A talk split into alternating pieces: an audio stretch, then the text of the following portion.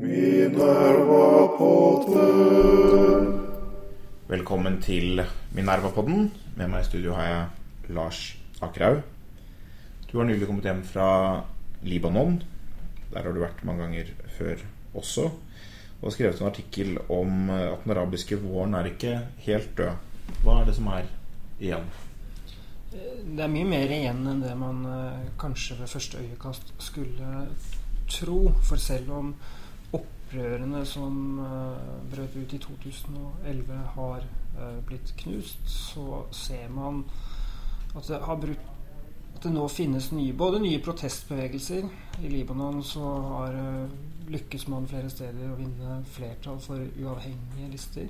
Lister som også er uavhengige av de gamle militsene, Hizbollah, men også andre religiøse politiske partier. Og vi ser lignende tendenser også andre steder i Midtøsten.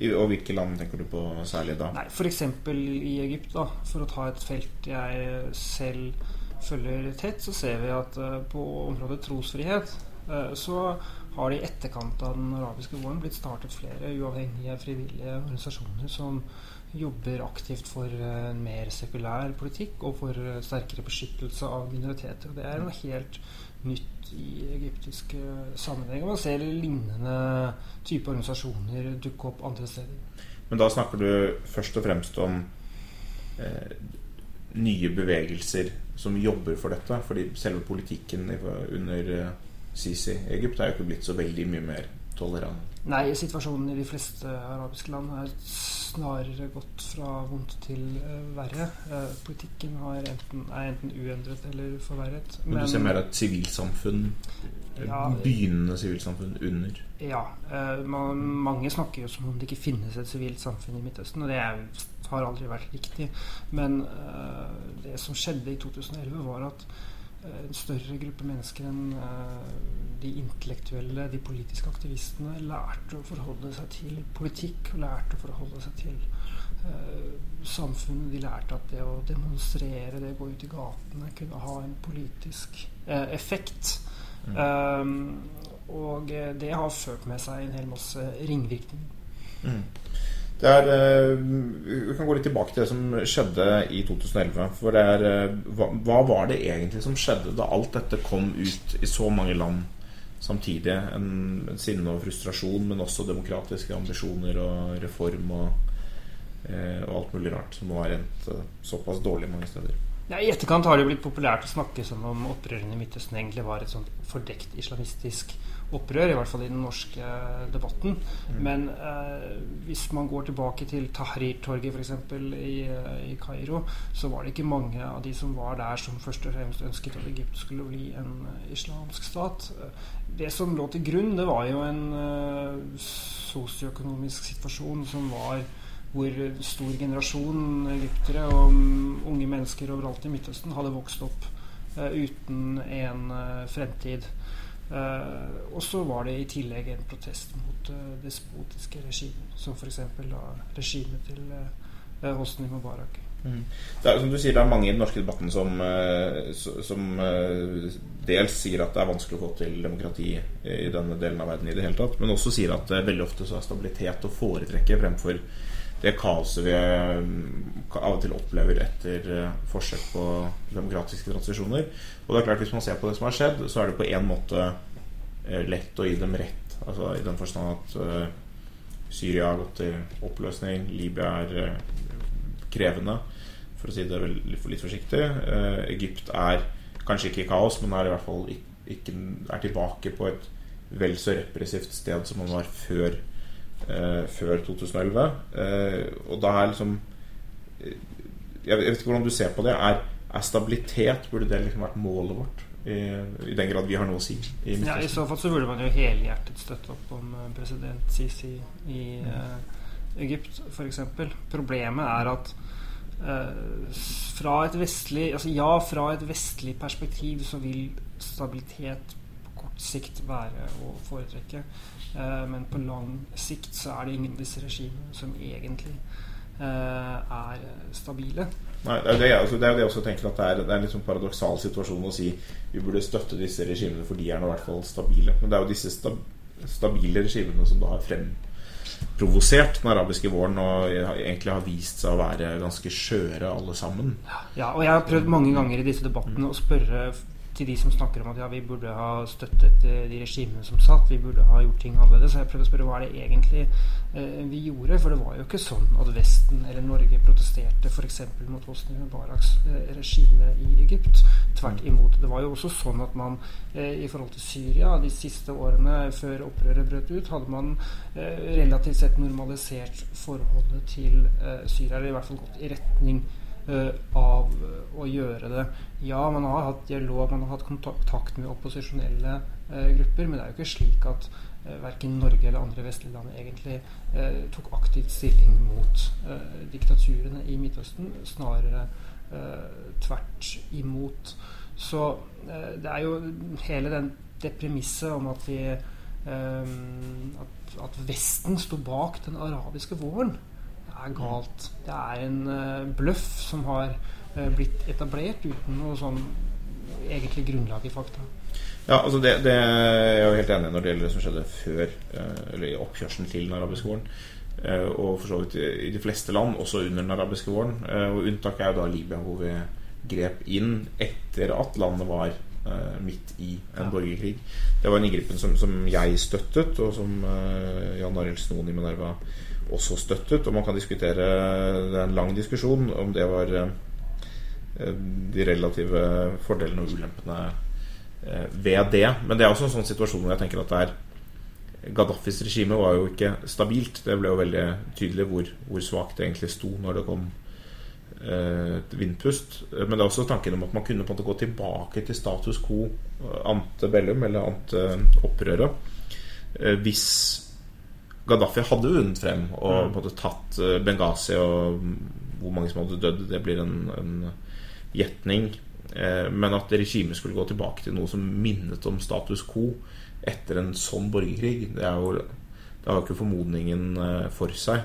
Så det er Jeg sliter også litt med å se hva man egentlig, hva man egentlig ønsker seg. Men, men da blir jo spørsmålet Fins det en vei fremover? Altså Hva slags vei fins fremover? Hvis, hvis disse nokså autokratiske, relativt sett sekulære regimene er ustabile Eh, og det som har skjedd Og det må jeg også snakke litt om det, Lars. Altså, for selv om det ikke var islamister som var på Tahrir, så, eh, så har jo de fått viktige politiske posisjoner i mange land etterpå eller blitt viktige symboler for, motstanden mot de autoritære regimene. Og hva er da, hva er da veien fremover? Fins det noen demokratisk vei fremover som, som kan unngå ikke bare liksom, islamisme eller konservativ islam eller ting som vi syns er problematisk, men også sekterisme og, og ofte store interne spenninger. Så Det er ikke noen sånn kjempegode grunner til å være optimist med tanke på Midtøsten. Og det er det jo aldri. Men uh, i Libyas tilfelle så er nok lærdommen snarere tvert imot, vil jeg si. At man uh, burde ha hatt et sterkere internasjonalt tilstedevær. Mm. Fortsatt, fortsatt, å ha en sterkere internasjonal uh, tilstedeværelse. For det var relativt forutsigbart, det som skjedde. Jeg var jo i Tripoli dagen etter regimets fall, og vi så jo hvordan militsgrupper var i ferd med å etablere seg uh, allerede da. Uh, mm. Og at de sto i et motsetningsforhold uh, til hverandre. Hadde man hatt fortsatt en sterkere vestlig tilstedeværelse, så ville det kunne ha vært snudd. Den samme lærdommen mener jeg åpenbar i tilfelle Syria. Mm. Hadde man grepet inn på et tidligere tidspunkt, så kunne man ha styrt transisjonen. Ja. Mm. Man ville ha styrket eh, de kreftene som uh, var tilhengere av en slags demokratisk prosess. Uh, I dag så gjenstår det egentlig ingen allierte i Midtøsten. Man kan kanskje snakke om kurderne som en mulig alliert, men her snakker vi egentlig om en gammel kommunistgerilja mm. som har tatt på seg demokratiske fjær. Mm. Eh, de kan kanskje PKK-geriljaen kan kanskje være en militær alliert på slagbakken, men eh, er neppe en strategisk alliert eh, i arbeidet for en et nytt Midtøsten. Mm. Det er jo dette ene unntaket som ofte trekkes frem, Tunisia. vi kan jo snakke litt om det også. Er det, er det et land som andre i Midtøsten ser til? til tross for alle problemene som er i Tunisia, så er det, eh, så er det jo på en måte litt nytt allikevel at det fins et land man kan se til. Det er en av de tingene som, som har vært diskutert mye i eh, Øst-Europa etter kommunismens fall og de vanskelige transisjonene i, ja, i, Russland og veldig mange andre tidligere Svetland, så har noen autokrater vært redd for den type sånn, vellykkede demokratiske regimer. Det er ikke så veldig mange av dem der heller, men, det, men da er man redd for at opposisjonen i hjemlandet kan peke på dette landet og si Se, det går an. Sånn kan det gjøres. Er det, var det et tema i Libya eller andre steder? Libanon. Um, I, Libya var, i, i, Libya var jo åpenbart Tunisia Det som skjedde i Tunisia, veldig viktig. I Libanon er nok Tunisia helt uviktig, og Tunisia er ikke Selv om den arabiske våren startet her, så er ikke Tunisia noe land mange i Midtøsten ser til. Til det blir det for fjernt. Men, men Tunisia er jo absolutt et eksempel på at uh, en demokratisk overgangsprosess uh, også er mulig. Uh, så må man også huske på at Tunisia var, var, tross alt også et mye mer moderne land enn mange av de andre samfunnene i Midtøsten, selv om det hadde vært et diktatur. Mm. Og man hadde også ikke minst en sterkere diaspora som sto klare til å overta uh, etter regimets fall, og som bidro positivt. Det kunne man kanskje ha fått, fått til under andre omstendigheter også, f.eks. I, i, i Libya. Men uh, um, det var nok viktig for at overgangen har gått såpass bra der. Mm. Ja, for det er jo Det man ofte hører, er jo litt tilbake til dette ideologiske og religiøse sporet. Man hører ofte at det er med de holdningene som fins i brorskapet, som, som, også spiller en rolle i Tunisia, uh, og de sekteriske spenningene som fins, så er det liksom Disse landene er ikke klare for, for demokrati. Hva tenker du om den type um, argumenter? I utgangspunktet så er det også en påstand som eh, jeg mener er ubegrunnet. Og Tunisia er et eksempel på at det er mulig. Men det betyr ikke at det muslimske brorskapet i Egypt f.eks. Uh, er en demokratisk bevegelse. Det som skjedde i Egypt, det var jo at kort tid etter revolusjonen og opprøret så etablerte både det muslimske brorskapet og andre islamistgrupper seg på den ene siden. og rester av det gamle regimet på den andre siden. Eh, I en kamp om landets fremtid, hvor demokratiske eh, krefter eh, ble skviset eh, ut. Eh, så, så, i all hovedsak så har islamistene hatt en eh, hva skal vi si, negativ effekt da, på utviklingen. Mm. Men det tar jo opp en, en, sånn, en eldre bekymring for vilkåret for demokratier og for frie samfunn. At det er Eh, demokrati er åpenbart noe mer enn bare det formelle, eller i hvert fall i vår forståelse av det. Og det å opprettholde et demokrati baserer seg jo på at et flertall av befolkningen eh, i hvert fall passivt og helst aktivt støtter opp om en del av de viktige institusjonene som det er bygget på. For Eh, ytringsfrihet, så, eller en relativt ytringsfrihet. Og fortrinnsvis Eh, politiske partier eller fraksjoner som ikke bare går på klan og religion og, den type ting, men som går på viktige politiske skillelinjer i dag-til-dag-politikken som gjør at mennesker har reelle politiske valg eh, som ikke er liksom, identitetsbærende, men som er nettopp politiske. Eh, og det er Det er ikke noe man har lykkes med, i hvert fall så langt i Midtøsten. Nei, og det er derfor Libanon er uh, interessant. Uh, mm. Fordi i Libanon så har man formelt, et formelt demokrati. Man har ytringsfrihet uh, i stor grad, og man har organisasjonsfrihet på en helt annen måte enn andre samfunn i Midtøsten. Så er mm. landet likevel styrt av militser og av uh, rike mennesker som stikker pengene i egen lomme. Mm. Men, men, her har det jo da vokst frem en uh, sekulær bevegelse som er samler mennesker fra ulike, med ulik religiøs tilhørighet, og som er bevisste på dette. Og fordi Libanon også er kanskje det mest altså det samfunnet i Midtøsten hvor folk har høyest utdanning og har sterkest påvirkning da, fra, mm. fra Vesten, så, så, så, spiller det en uh, viktig rolle. Så det er klart at hvis de kreftene som nå har etablert seg, som er mye sterkere enn det man kanskje skulle tro dette er ikke et tema mm. norsk presse skriver så mye om. Mm. Uh, hvis, får, uh, hvis, de får ytterligere vind i seilene, så kan det bli uh, veldig spennende. Så er det klart at det å overføre det til land som Egypt, f.eks., hvor mm. utdanningsnivået er mye lavere, hvor man har en helt annen manglende tradisjon da, og forståelse for hva demokrati egentlig er, det er veldig vanskelig. Fordi Jeg sa at folk har lært å protestere, men det betyr jo ikke at de har lært eller forstår hva demokrati egentlig innebærer. Men Det er interessant det du sier med, med Libanon, fordi de har jo et, uh, en lengre tradisjon for for en form for pluralisme, kan du si. Og så er det bare et langt avgrunn med en ganske blodig, til dels blodig borgerkrig.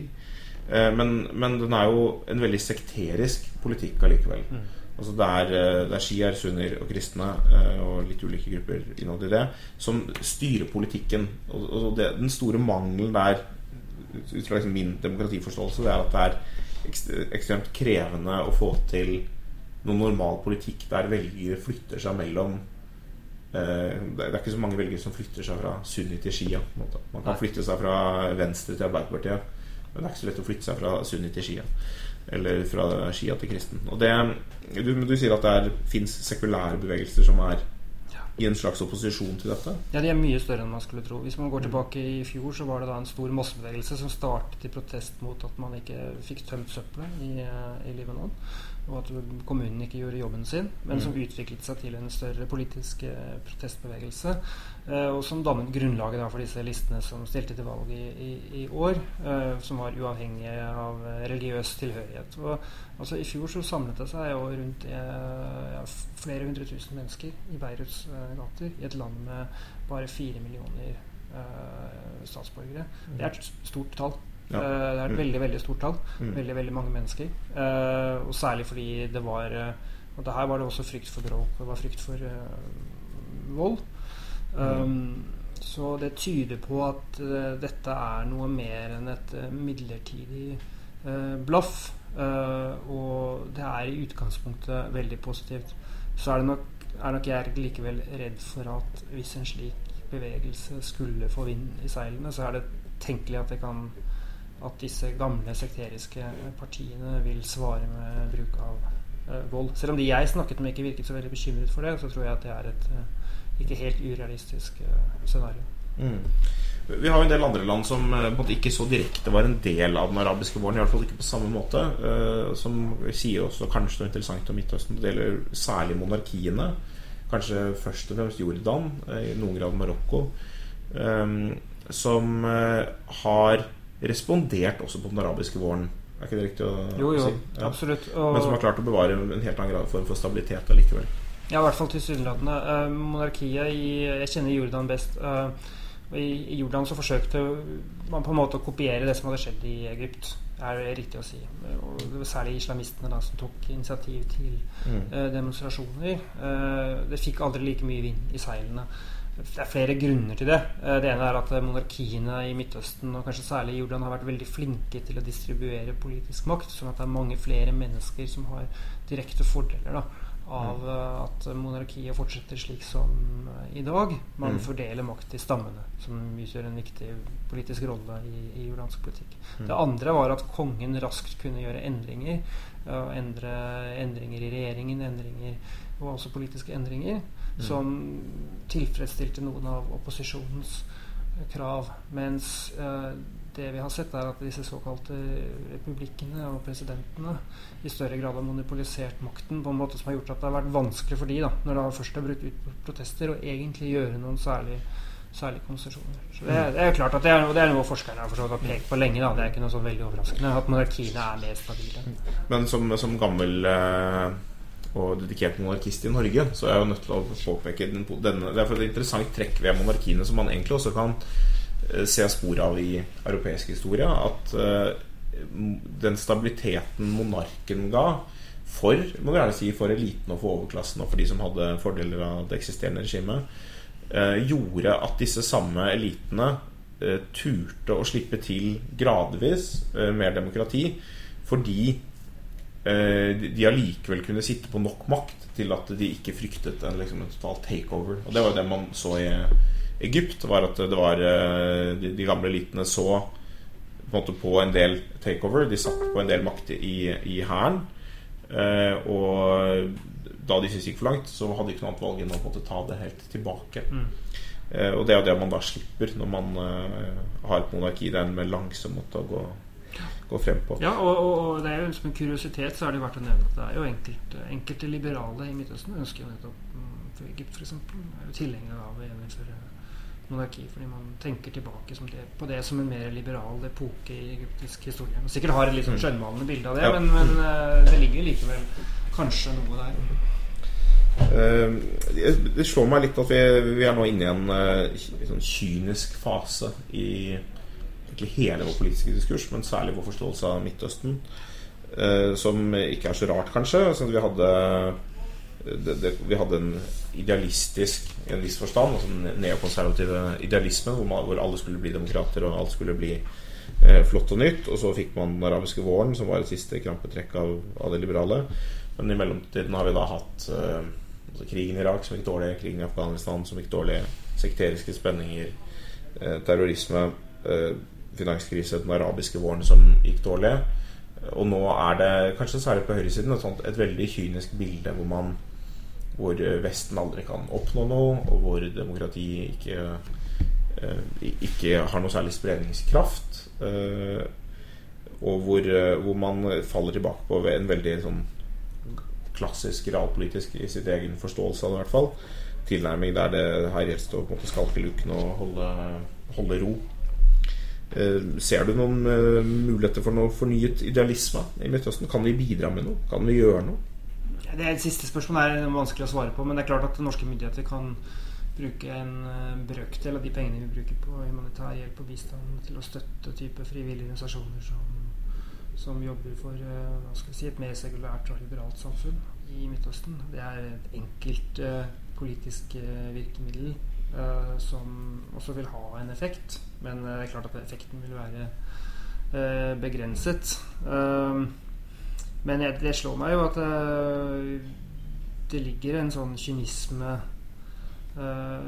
i bunnen her, når mange ser på og forsøker å analysere hva som skjer i, Midtøsten. Og man Kanskje man blander sammen en nødvendig islamkritikk og en nødvendig kritikk av politisk islam uh, med altså en analyse av Midtøsten som samfunn. fordi selv om det er ikke noen tvil om at politisk islam er en av grunnene til at den arabiske verden henger igjen i eh, forhold til demokratisk utvikling. Mm. Men disse samfunnene er mer enn bare islam.